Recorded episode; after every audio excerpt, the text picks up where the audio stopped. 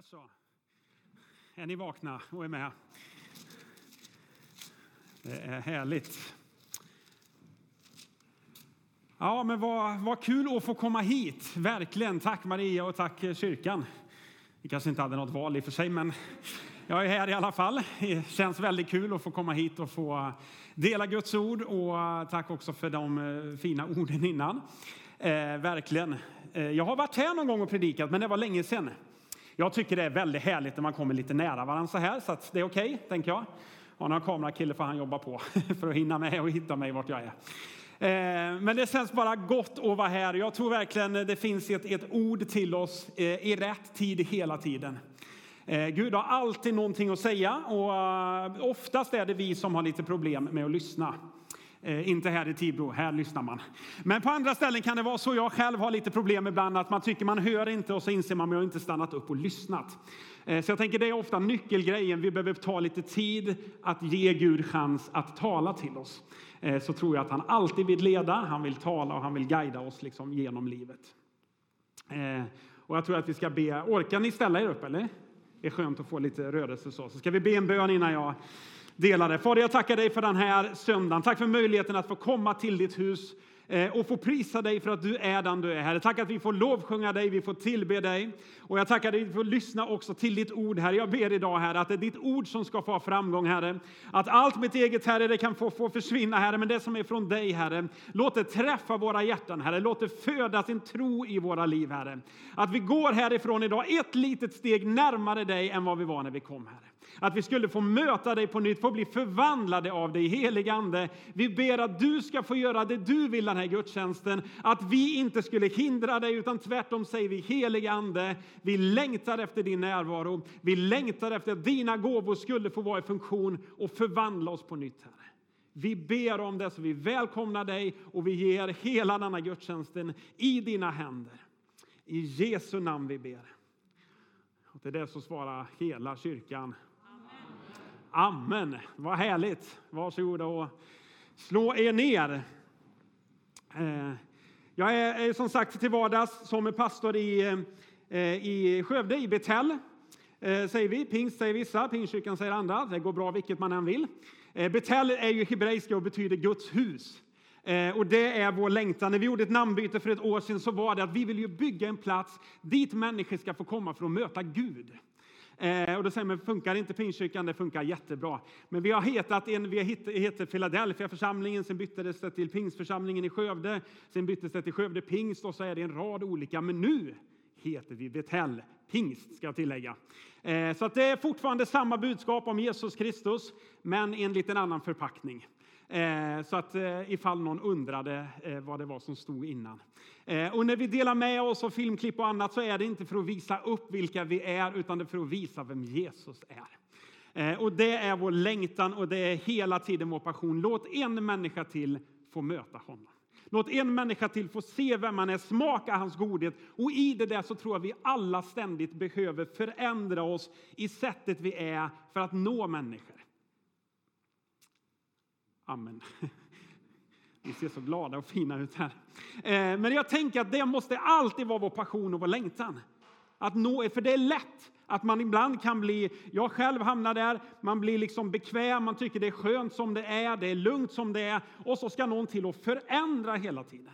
Men jag har också lärt mig av Ulf Kristiansson i Jerusalem, ständig förändring, att det enda som är liksom någonstans bestående det är att det ständigt är förändring. Vi som människor förändras hela tiden. Vi växer, vi utvecklas, vi förändras. Ser vissa likadana ut kanske hela livet, men vi andra förändras. Eh, varför? Därför att det är en del av livet. Och när vi är, som familj, vi har en nioåring och en elvaåring, man inser att man förändrar. Varför då? För att de ska trivas. När vi skulle få första barn förändrades vårt liv ganska mycket. Jag vet alla som har barn. Det förändras. Varför då? För att man bara älskar när något nytt liv kommer fram. Och vi gjorde om hemma, du vet, man målar om, man tapetserar om. Varför? För att ett nytt barn har kommit, de ska trivas. Nu har jag blivit lite äldre, det går inte att ha samma tapeter, det går inte att ha samma färg. Det är inte samma leksaker, det är inte samma. Varför? För att de förändras. Och jag tror det är samma sak i Guds rike. Den dagen vi tycker det ser fint ut, så här ska det vara. Nej, vi vill att nya människor ska komma till tro. Det innebär att vi behöver förändras. Precis, vi behöver göra om. Kyrkan behöver ständigt vara en, en liksom räddningsark som inte är färdig, utan som ständigt är på jakt efter, kan vi då en människa till? Och kanske att vi behöver göra om saker för att, då, för att de nya människorna ska trivas, känna sig hemma, upptäcka Jesus. För alla är vi övertygade om att evangeliet i sig har en kraft att förändra människors liv. Om människor bara får höra evangeliet. Och det är den förpackningen vi måste göra. För om vi kan sitta här vecka ut och vecka in och prika Jesus, men om ingen kommer hit så kommer ju inte evangeliet förändra någon. Djupa sanningar jag bär på ibland. Men det är så det funkar. Men om vi vill lyckas nå människor så vet vi att evangeliet i sig har en sådan enorm kraft att förändra och förvandla människors liv. Och vi lever i en tid idag som är väldigt, väldigt mörk. Jag är, eh, jag är nog ganska emotionellt tagen också av vad som händer nere i Mellanöstern. Eh, jag var nere i Syrien i maj i år. Eh, och jag vet knappt hur jag lyckades komma in, men jag kom in där eh, och fick möta församlingen där nere. Och nu så, och vi var, jag var i Israel förra året. Och så, så står man liksom nästan ibland timme för timme sitter jag och följer. Vad är det som händer? För det, är, det, det skakar om en, den tid vi lever i, som är en väldigt, väldigt mörk tid. Men mitt i allt det så älskar jag det som står i Johannes när Jesus kliver in i världen och så säger han så här, jag är världens ljus. Den som tror på mig den som följer mig ska inte vandra i mörkret utan ha livets ljus. Du vet, även på den tiden, genom alla tider, så har det varit mörka perioder. Det är tuffa saker, det är saker vi möter som är svåra. Och mitt i allt det där kliver Jesus in och säger, jag är världens ljus. Den som tror på mig ska inte leva i mörkret utan ha livets ljus. Och ibland kan man ju vända och vrida så här av vad mörker är för någonting. Men mörker visar ju ofta det som är liksom negativt. Det kan vara fysiskt mörker. Jag vet inte, det, finns det någon som är mörkrädd här inne? Inget man vågar. Ja, det finns. Jag var en frimodig människa här. Någon sa så här, jag är inte mörkrädd om jag får ha lampan tänd. Eh, det finns ju olika sätt att liksom definiera det där på. Eh, men någonstans så är ju mörker, varför? Det är för att vi vet inte vad som finns. Man vet inte om det ska dyka upp något framför, man vet inte vad som finns inne i rummet. Man vet inte. Och de flesta av liksom inbrott och, och liksom våldsgärningar och allt möjligt sker vad då? i mörker. För att inte människor ska se vad som försiggår. Och mörker kan vi också, tala om det fysiska. Liksom. Det, jag, jag, jag gillar inte november. Jag tycker det är för mörkt ibland i vårt land. Ja, det, det, är underbart när december kommer. Man tänder upp ännu mer ljus överallt och sen vänder det i december. Va? Och så går det åt ljusare tid. Det älskar den dagen. Det bara går åt rätt håll igen. Men jag tycker det är fantastiskt med ljus. Och jag tror att när Jesus kliver, han sa inte jag är världens mörker. Han sa jag är världens ljus. Och där Jesus går fram, där kommer alltid hopp fram. Det kommer glädje fram, det är frid, det är tålamod, det är allt det där goda. Och jag vet att när jag gick på gymnasiet så, så gick jag eh, naturvetenskapliga linjen. Och då har man en del fysik och sådär. Och då försöker man förklara begrepp Eh, och siffror, för ibland när det blir väldigt stora siffror eh, så blir det bara det blir massa siffror. Man förstår inte vad det är när det blir för många nollor eller annat efter. Och då försöker man att sätta in det i sammanhang som man ska liksom så här, eh, förstå. Och så tittar man på solen, planeter och sådär och så gör man då liksom en skalenlig modell av att om solen då är en apelsin så är jorden lika stor som en Ja, jag vet inte. Jag tänkte fråga er, ni kan väl sånt här? Ärta, sa någon. Jag vet inte, pingisboll, jag vet inte, något. Eh, något lite, men så bara placerar man ut det för att få ett begrepp. Och så börjar jag titta så här, om Gud är ljus, och så säger ljuset färdas av en enorm hastighet. Jag är snabb ibland, men så snabb är jag inte.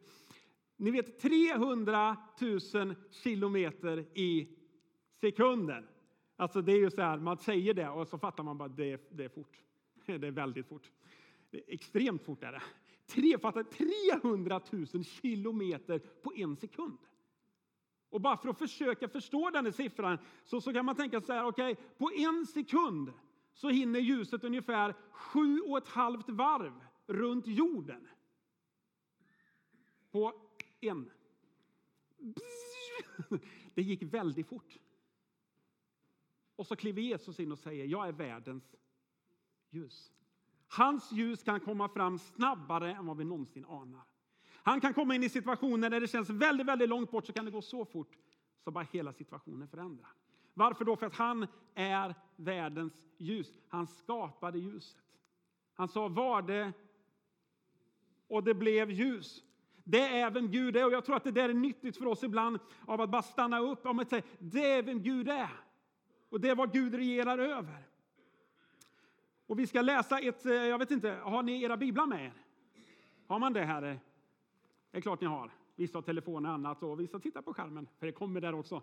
Men om man har den får man jättegärna slå upp Johannes evangeliet kapitel 1. Eh, så läser vi från vers 1 till 9. Det står det i begynnelsen så var ordet och ordet var hos Gud och ordet var Gud. Han var i begynnelsen hos Gud. Allt blev till genom honom och utan honom blev ingenting till av det som är till.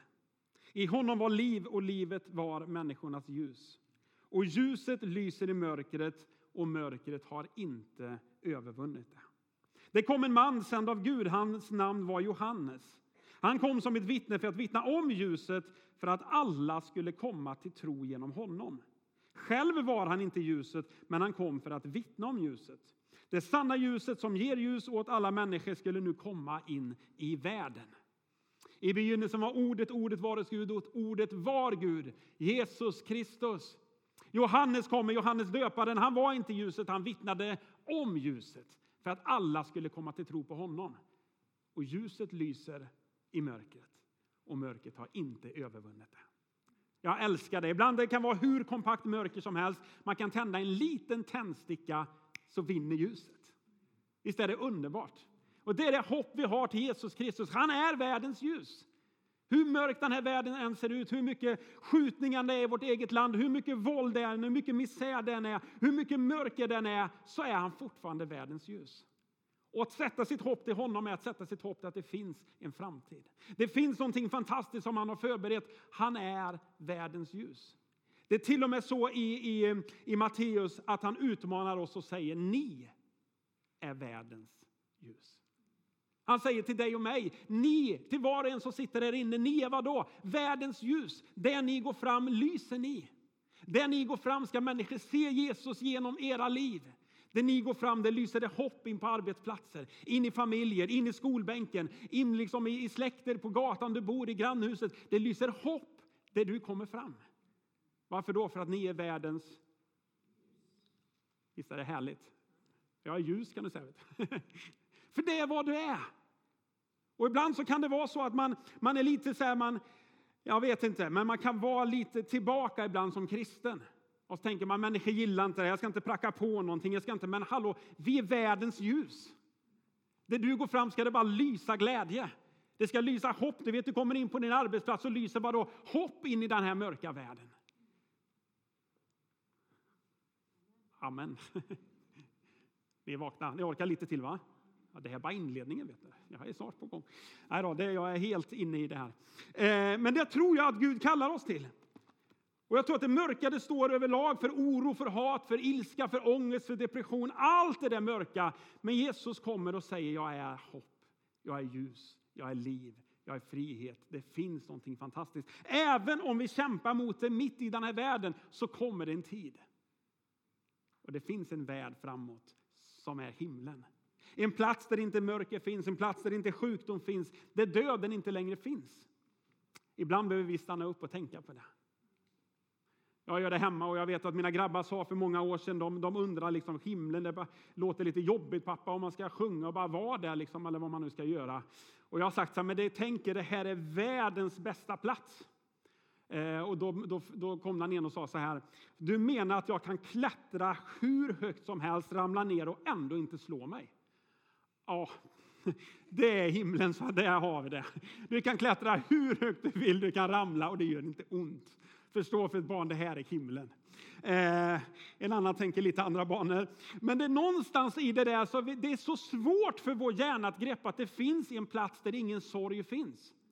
Där ingen sjukdom finns, ingen smärta, inga mörka tankar, ingen skam, inget av det där. Det är evigheten med Jesus. Och det är den vi ska lysa in bland människor som ännu inte har hört. När människor inte orkar längre, man är ensamma, man är isolerade, man mår dåligt, den, den psykiska ohälsan skjuter i höjden. Och så sitter vi inne på världens ljus. Eller hur? Vi behöver bara lysa ännu mer i Tibro. Ännu mer i Skövde, ännu mer i Skaraborg. Vi behöver ut och bara lysa hopp för människor. Så det finns en Jesus, han älskar dig. Jag ska in på arbetsplatsen imorgon och säga det, vet det första du gör. Glöm inte, vet, du är älskad. Glöm inte, jag har hopp att komma med. Säger någon, det är lätt för dig som kommer in bland dina pastorer. Jag har inte så många att vinna på kontoret, men eh, vi gör vad vi kan för att vinna andra. Men jag tror att vi alla behöver påminna oss om det. Jag vet, har, ni, har ni städat någon gång? eller? Ingen räckte upp handen. Här finns, det, här finns det ett läge för städfirmor att starta, det kan jag säga. Mycket kunder. Eh, men du vet, när man städar hemma, så ibland när man gör det eh, så, så, så är det lite mulet ute och så tycker man jag städar på och sen så börjar solen stråla in och så tittar man och bara, Jag har missat ganska mycket här. Har ni upplevt det någon gång? Kanske ännu mer, eh, vissa har inte upplevt det. Men vi, eller man putsar fönster och tycker det här blir kanon. Tills solen tittar fram och bara, oh, regnar det ute eller vad hände? Eh, och så har man missat det helt grilligt. Och då tänker jag att ljus uppenbarar. Eller hur? Ljus kommer att visa någonting. Och jag tror det är så i våra kristna liv också. Att om vi lever utan Jesus Kristus så är det mörker på insidan. Och den dagen vi möter Jesus och det börjar lysa in så blir det lite jobbigt. För att det börjar synas saker i vårt liv som vi inte vill ska vara synliga. För det är ju vad mörker, mörker älskar mörker. Det vill hållas där. Ska inte synas för någon annan. Men så möter vi Jesus och när vi tar emot honom så lyser det in i våra liv och så blir vi liksom fria och det blir underbart. Och så tror jag att den kristna vandringen med Jesus innebär att vi ska bli lite mer lika Jesus för varje dag som går. Förhoppningsvis så förändras vi. För Bibeln säger att han inte förändras. Det är vi som behöver förändras. Eh, och då lyser det lite mer ju närmare vi kommer. Ibland har vi ett fint ord för det i kyrkan, så säger vi det kallas för helgelse. Precis. Att man blir lite mer Kristuslik. Och jag tänker att det där är som när solen lyser in, det kommer lite mer, det syns lite mer i mitt liv. Och många gånger så är det inte så här, jag behöver mer av Gud. Nej, nej, nej, du behöver ge mer av dig själv till Gud. Det är inte så att en liten, nu kom Guds halva hand in i ditt liv. Utan när Gud flyttar in så flyttar han in. Men ofta är det vi själva som kan ha kvar några rum, några olika delar av livet som vi inte har överlåtit till honom eller vi inte ville att han skulle lysa in på. Så då tänker jag att vi ofta behöver istället bara ge lite mer av Gud och säga, vet du vad, även detta området tillhör dig. Även de här känslorna, Gud, kan du lysa in här också. Även i min ekonomi, Gud, kan du ta hand om det med. I mina relationer, i mitt jobb, i min kallelse, i min bostad, i mitt liv kan du lysa in med lite mera ljus. Och så får vi ständigt städa undan och så förändras vi. Och jag vet sen när jag, när jag var nyfrälst så kämpar man med vissa grejer i livet. Och så går livet och så, så idag så när man är lite äldre så är det andra saker man kämpar med. Varför då? Det är för att förhoppningsvis har man förändrats någonting och närmat sig Kristus lite mer och så petar han och man tycker det också, ja det också. Måste jobba med det området också, den saken med. Varför? Det är för att det där är att, att, att komma närmare Kristus.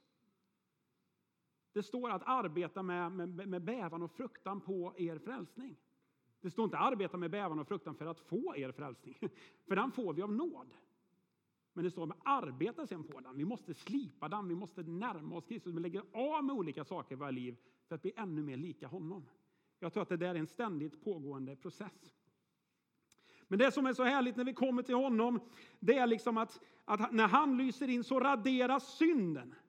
Jag tyckte det var en sån härlig, nu, nu ser jag att det finns ju många människor här inne som levde på den tiden man fotograferade med film i kameran. Det finns några va? Finns det några som inte vet vad film är i kameran eller? Vet ni vad film är? Nej. Nej, det, ser, det kan vara konstigt det här. Du vet, det fanns en tid när man, man stoppade in en filmrulle i kameran och så hade man 24 eller typ 36 chanser innan den här filmrullen var slut om man då skulle skicka in den till posten. Är ni med? Det, hela grejen är egentligen väl, jag försöker för, förstå det här.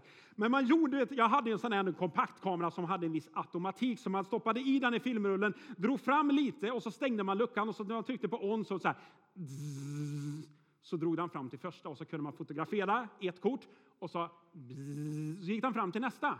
Vissa hade ännu äldre, man var tvungen liksom att veva fram till nästa. Ni ser ut som att det här är jättekonstigt. Det är det. Men det var så här på den tiden. Och då hade man liksom en chans att fota. När man skulle iväg på semester hade man en filmrulle. Den där filmrullen skulle liksom räcka hela semestern. Idag, kära ungdomar, så fotar man liksom 36 kort på fem sekunder och så tittar man. Vilket kort blir bra? Det kortet blir bra. Alla andra slänger jag. Här hade man en enda chans. Man står där. Det enda man ser när man tittar i den där lilla rutan, för det fanns ingen skärm på baksidan. Man tittar in i den där lilla rutan och så fanns det liksom lite stödlinjer för det. Det som är där i, det är det som får plats. Jag hoppas familjen ser ut att le nu, för jag har en chans. Och det tryckte jag. Hur blev det? Jag har inte en aning att se det. För det kommer ta mig flera veckor, säkert månader innan jag skickat in den här filmrullen och får tillbaka den. Nej, tre blundade. Det var röda ögon. Nej, jag höll fingret framför linsen. Åh, det enda kortet jag hade från semestern i Norge blev fel. Och någon gång när man väl hade fått den här filmen och tänkte man ska dela bilderna med mina kompisar, vad gjorde man då? Och man fick beställa dubbla kopior. Så man kunde ge ett fysiskt kort. Det var så man delade bilder. Jag vet det är märkligt det här, men ni får fråga era föräldrar sen hur det gick till. Men det var så det funkade. Men den här filmen, den var otroligt känslig för ljus. Då. Det är ju så att det man hade, det var det som fastnade på filmen. Det är också märkligt. Det fastnar på filmen. Men den är ju jättekänslig för ljus. Vilket betyder om jag öppnar den där så bara förstördes den. Och hemma så hade vi ett, eh, min bror var lite mer intresserad av, av sån här fotografi och grejer. Så vi, vi hade ett eget litet labb hemma. Eh, så mörklade vi ett rum någon gång och så skulle vi liksom framkalla svartvita kopior av de här negativen då, eller vad blir det? Eh, och man hade la olika vätskor. Det viktiga var att det var tvungen att vara väldigt mörkt. För tog man ljus där inne så pajade allting. Men när man gjorde svartvita kunde man ha sig röd lampa. Har vi någon sån fotograf? Ni känner till det här? Ja, så ni får korrigera annars. Men du vet, det var röd lampa, så står jag och min broder på med det fotot och så säger han till mig, du kan tända lampan. Det var ju den röda lampan. Men jag tände ju liksom, jag tände taklampan och där zuff, så förstördes alla fotopapper. Och jag fick inte vara med någon mer gång och framkalla kort. Eh, ungefär så. Och det är det som händer. Jag tror att det är precis samma sak som händer med våra liv. Eh, för, för, för, hela tiden så är vi som en filmrulle. Det fastnar saker hela tiden i våra liv. Vi är känsliga för ljus, men när vi låter ljuset komma in så tas synden bort. Men många gånger så vill vi ha stängt livet, vi vill inte släppa in någon annan, för det är väl bara jag i hela världen som kämpar med det här problemet, de här tankarna, den här saken. Men det är inte det. Vi människor kämpar ofta med samma saker. Eh, om vi bara skulle tala om det lite oftare skulle det bli lite enklare. Eh, men det som händer när vi kommer till Gud är att vi öppnar upp den här filmrullen och så bara raderas allting. För ljuset lyser in och så försvinner synden. Och det är underbart. Det står så här i första Johannes brev. Eh, I första Johannes brev eh, kapitel 1 eh, och vers 5-10. Se om vi får upp det. Första Johannes kapitel 1 och vers 5-10. så, så står det detta är det budskap som vi har hört från honom och som vi förkunnar för er att Gud är ljus och att inget mörker finns i honom. Om vi säger att vi har gemenskap med honom och vandrar i mörkret så ljuger vi och handlar inte efter sanningen. Men om vi vandrar i ljuset, liksom han är i ljuset, då har vi gemenskap med varandra. Och Jesu, hans sons blod, renar oss från all synd. Om vi säger att vi inte har synd så bedrar vi oss själva och sanningen finns inte i oss. Om vi bekänner våra synder, om vi exponerar om vi låter Guds ljus lysa in, så är han trofast och rättfärdig så att han förlåter oss våra synder och renar oss från all orättfärdighet. Om vi säger att vi inte har syndat så gör vi honom till en lögnare och hans ord finns inte i oss. Visst är det underbart? Gud är ljus och inget mörker finns i honom. Om vi bekänner våra synder. Om vi öppnar upp den där kamerarullen, om vi exponerar våra liv inför Gud så renar han oss ifrån all orättfärdighet, från all synd som finns. Snacka om ett härligt evangelium. Amen. Du vet, det här borde ju göra oss mer glada än någonting annat. Förstå vilket hopp vi äger. Förstå vilket budskap vi har. Du vet, vi är på väg in mot, mot evigheten tillsammans med Jesus. Du vet, man, jag, nu, jag predikar mig själv glad idag, så kan jag säga. Det här, wow, vilket evangelium! Är det någonstans vi borde jubla så är det ju i kyrkan. Är det någonstans vi kan vara glada, skratta och ha det underbart så är det ju kyrkan. För vi har världens bästa budskap. Om man lever i mörker, om man har synd, så exponera det för Jesus. Ja, men det må vara hållhaken, det finns ingen hållhake. Det enda du behöver göra är att bekänna din synd. Tro på honom. Ja, men jag förtjänar inte det, det är helt rätt och riktigt. Nu har du förstått grejen. Ingen av oss förtjänar det. Det enda vi behöver göra är att tro på vad Jesus gjorde. Att omvända oss ifrån vår synd och börja följa honom. Ja, jag älskar det här. Det här är wow. När Johannes döparen kom, det vet det stod att han, han själv var han inte ljuset, men han, han vittnade om det sanna ljuset. Och det står i Johannes, när han står i floden i Jordan, vet ni, när han står och döper människor till omvändelse och förbereder dem, så ser han Jesus komma där borta. Och vad är han? Han ser honom och han säger, se Guds lam som tar bort världens synd. Om man i hela gamla testamentet har offrat djur och offrat saker för att övertäcka synden, så säger Johannes, se Guds lam som tar bort världens synd. Han raderar den, du exponerar den för ljuset, det lyser in och så blir man född på nytt. Så får man frid på insidan, hopp om en evighet tillsammans med Jesus. Glädje fylls och livet förvandlas. För att Jesus är den han är. Han har inte förändrats, han är densamma i Tibro den här förmiddagen också. Jesus Kristus är världens ljus och han är på vår sida och han vill oss väl. Sen finns det någonting ibland som man talar om, eh, om, om, eh, om en mörkerseende. Ibland kan vi tycka att det är bra, men i det här läget så är det inte bra alls. För du vet, mörkerseende handlar om om jag börjar leva i mörkret. Efter en liten stund så, så börjar man ju se i mörkret. Jag vet att när vi är ute och fiskar kräftor i vår familj så brukar jag säga att tänd inga lampor. För har man gjort det så tappar man det mörkerseendet och så tar det ett tag innan man får upp mörkerseendet igen. Men i, i en negativ bemärkelse så är det ju att om, om jag tillåter att synd kommer in i mitt liv, om jag tillåter att det börjar bli mörkt i mitt liv och istället för att komma till Jesus exponera upp mig och säga lys in, förlåt mig, så jag kan leva i ljuset, så börjar jag vänja mig att jag ser ju lite i alla fall. Och djävulen kommer göra allt han kan för att säga det där var inte så farligt. Den där synden var inte så stor. Du behöver inte omvända dig från den, du behöver inte be om förlåtelse. Och så, så, så började det mörkret få fäste i våra liv. Och så börjar vi navigera. Vi ser inte klart och tydligt längre. Vi försöker, ibland snubblar vi till. Varför? Därför att vi har inte ljuset. Utan vi försöker och vi klarar oss ganska bra ändå. Men plötsligt så, så mår vi lite sämre. Det blir lite tuffare, lite jobbigare. Glädjen försvinner, hoppet försvinner. Varför? Därför att vi har börjat leva i synd. Vi har börjat bli mörkerseende. Vi har börjat göra oss själva en väldigt, väldigt farlig sak. Navigera in i någonting som Gud inte kallar oss till. Utan tvärtom så behöver vi vad då? Varje synd är synd. Vi behöver bara exponera den. Vi behöver bara komma till Gud och säga som det är. Och jag vet inte hur många gånger jag kommer till Gud och säger förlåt mig igen. I början när jag, var, när jag hade kommit till Gud så, så tänkte jag många gånger så här, Ja, det är så jobbigt, Gud. Ska jag behöva berätta det här igen? Och så tänkte jag, nu kommer jag med världens överraskning till Gud.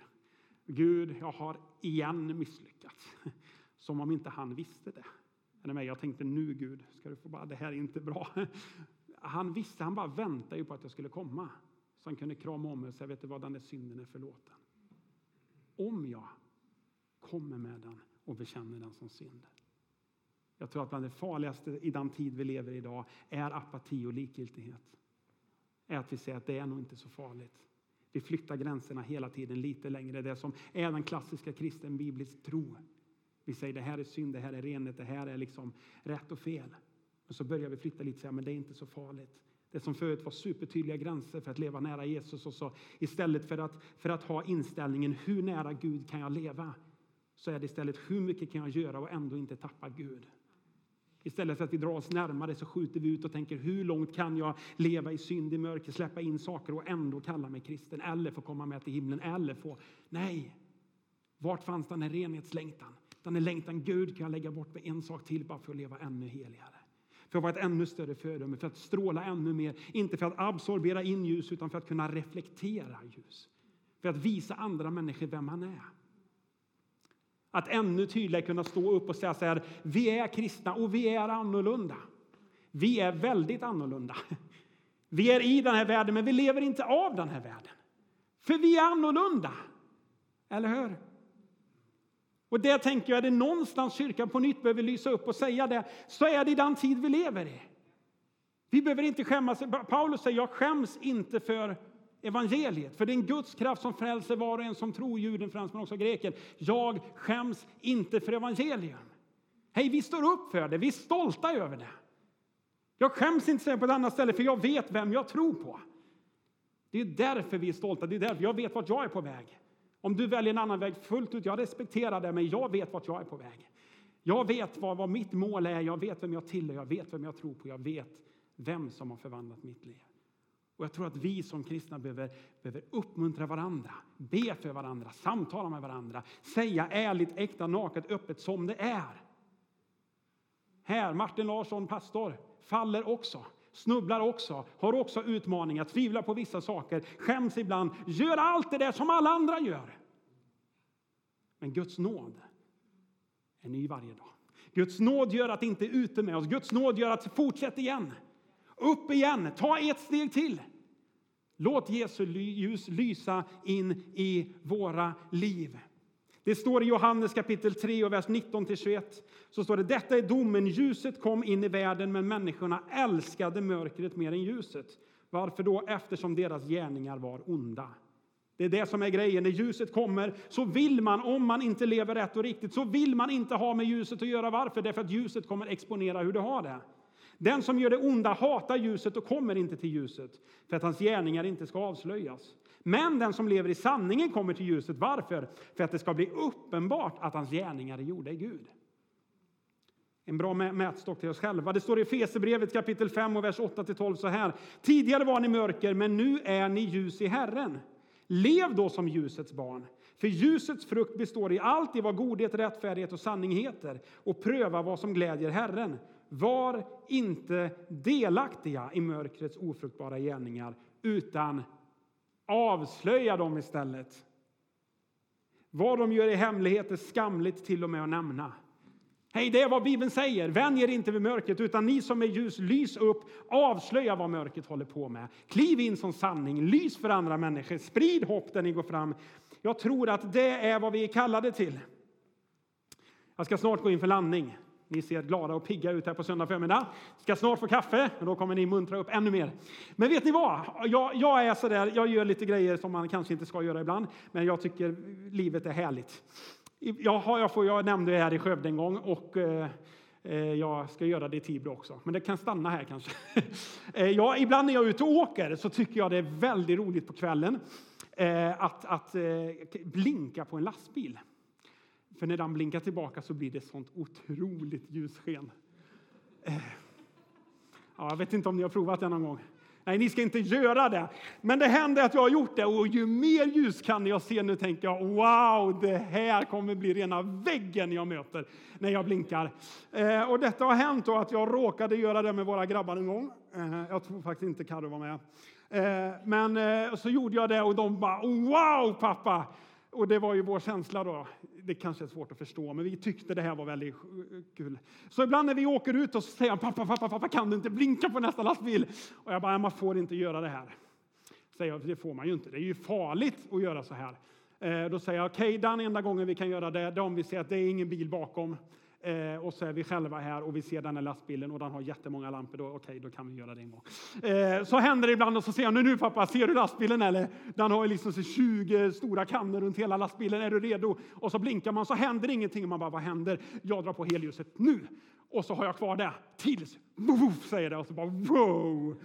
Där kom det och det var bara maffigt och eh, jag vet att ni tycker det är lite konstigt. Men jag tyckte ändå det här var lite roligt när jag var ute och då inser jag att när Paulus eh, för, för länge sedan. Han var ju i början vet, mot de kristna. Han var ju liksom duktig, lärd i skriften, men han avskydde de som följde den vägen.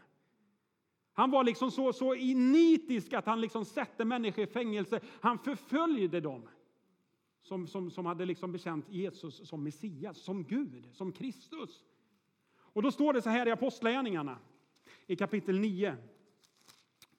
Eh, och du vet, i maj så var jag och besökte eh, Damaskus. Jag besökte den här platsen där Paulus fick sitt möte med Gud. Och det var bara wow i det. Men det står från vers 1 i kapitel 9 så här. Saulus, eh, som han hette då, som fortfarande andades hot och modlust mot Herrens lärjungar gick till översteprästen och bad att få med sig brev till synagogorna i Damaskus. Om han kunde finna några som, hörde, som tillhörde vägen, män eller kvinnor, så skulle han få fängsla dem och föra dem till Jerusalem. Men när han på sin resa närmade sig Damaskus så strålade plötsligt ett ljus från himlen omkring honom. Han föll till marken och hörde en röst som sade till honom Saul, Saul, varför förföljer du mig? Då frågade han, vem är du, Herre? Rösten svarade, jag är Jesus, den du förföljer. Varför? För Jesus är världens ljus. Paulus är på väg till Damaskus. Han är på väg i vrede för att sätta människor i fängelse, för att kanske till och med avrätta de som följde den vägen, som kallade sig kristna. På vägen så möter han typ som en sån här lastbilsbländning. Är ni med? Ett sånt ljussken som är så starkt att det står att han faller till marken. Mitt på dagen i Mellanöstern, är ni med? Det är ljust ute. Zuff, säger det. Han faller till marken och bara, vad är det som händer? Han ser ingenting, men han hör en röst. Och han säger, vad är, vad, är, vad är det som händer? Varför förföljer du? Men vem är du? Jag är Jesus. Och där och då så leder de Paulus in i Damaskus. Han blir blind. Under flera dagar så är han där och så kommer ni vet Ananias och hela den storyn som lägger händerna på honom och sen så får han sin syn tillbaka. Och så kommer Jesus och säger, jag har kallat dig. Jag har kallat dig att vara ett vittne för mig. Du kommer få lida för evangeliet, men vet du vad? Där och då så, så vände Paulus hat mot kärlek. Mörkret vändes mot ljus. Förbannelsen vändes till välsignelse. Död vändes till liv. Och det finns människor ibland som när Paulus mötte det ljusskenet föll till marken, inte kunde se någonting, tänkte bra, det var precis vad han förtjänade, det var precis vad Paulus skulle få för någonting. Men vet du vad, det är inte sån Jesus är. Om du finns här idag som har levt ett annat liv, synd har kommit in i din väg och så tänker du så om jag vänder mig om så finns det människor som kan säga alltså det är dags att komma tillbaka nu. Alltså nu är det dags att synas i kyrkan. Alltså nej, det är inte vad vi som kyrka är kallade till. Precis som Jesus sa till Paulus, inte nu räknar jag ut dig, du kan försvinna bort härifrån, du har levt ett sånt illa liv. Nej, han säger vänd om och börja följ mig. Och plötsligt blev det han som har skrivit mest text, eller mest brev i alla fall, i hela Nya Testamentet. Kanske den som har betytt mest för kristendomen efter Jesus. Är ni med? Och kanske är det det som Gud utmanar oss idag också. Att kom till mig, det exponerar, saker kommer. Kanske det blir en sån där ljusvägg. Du ser ingenting, du blir helt chockad. Bara, vad är det som händer? Det är Gud som lyser in i våra liv. Men det stannar inte där. För efter vi vänder om till honom så säger han, mitt älskade barn, följ mig. Den som har ljuset ska inte vandra i mörkret, utan ha livets ljus. När vi lever med Jesus kommer vi se vart vi ska gå. Vi kommer se vart vi är på väg någonstans. Varför? Därför att vi är inte i mörkret längre. Och jag tänker mot slutet av gudstjänsten orkar vi bara resa oss upp. Vi ska få sjunga någon sång tillsammans sen också så här. Men eh, kanske det finns någon här inne ändå. Och jag vill bara fråga det med respekt för varandra. Jag ska inte ta fram någon, jag ska inte peka ut någon. Utan om vi alla bara under några sekunder kunde sluta våra ögon. Så ska jag bara be en bön. Och så vill jag fråga om du finns här inne som säger, vet du vad? Jag skulle behöva låta ljus lysa in i mitt liv. Kanske för första gången, kanske för femte gången, hundrade gången. Det kanske har kommit in saker som gör att du är lite mörkerseende, du har tappat glädjen. Saker har smugit sig in i ditt liv och du säger Jesus, lys in i mitt liv. Vet du vad, medan alla blundar så undrar om du finns här, kan du bara lyfta din hand som ett tecken mellan dig och Gud. Tack Jesus, tack Jesus, tack Jesus. Det är flera händer. Finns det någon mer så lyft den upp bara mellan dig och Gud. Tack Jesus, tack Jesus. Det är flera händer. Fader, jag tackar dig för varje hand. Jag tackar dig för varje hand som lyft sin längtan och säger Jesus, lys in i mitt liv. Och när du lyser in så tackar jag dig för att all synd raderas, Herre. Alla våra missgärningar, all orättfärdighet försvinner. Jag tackar dig i denna stund att du Jesus Kristus går omkring i bänkraderna och bara tvättar människor rena, Herre. Ta bort all skam, ta bort all synd, allt mörker, all ångest, all fruktan, all rädsla och så bara lyser du in med hopp, Herre med liv, med barmhärtighet, med tro, med medlidande, med nytt liv, med nåd, med kärlek. Tack Herre för att du vidrör var och ens av våra hjärtan just nu. Kanske finns det någon som följer oss online också som sitter där hemma och bara räcker upp din hand och längtar efter, vet du vad, jag tror att Jesus Kristus lyser in i ditt liv.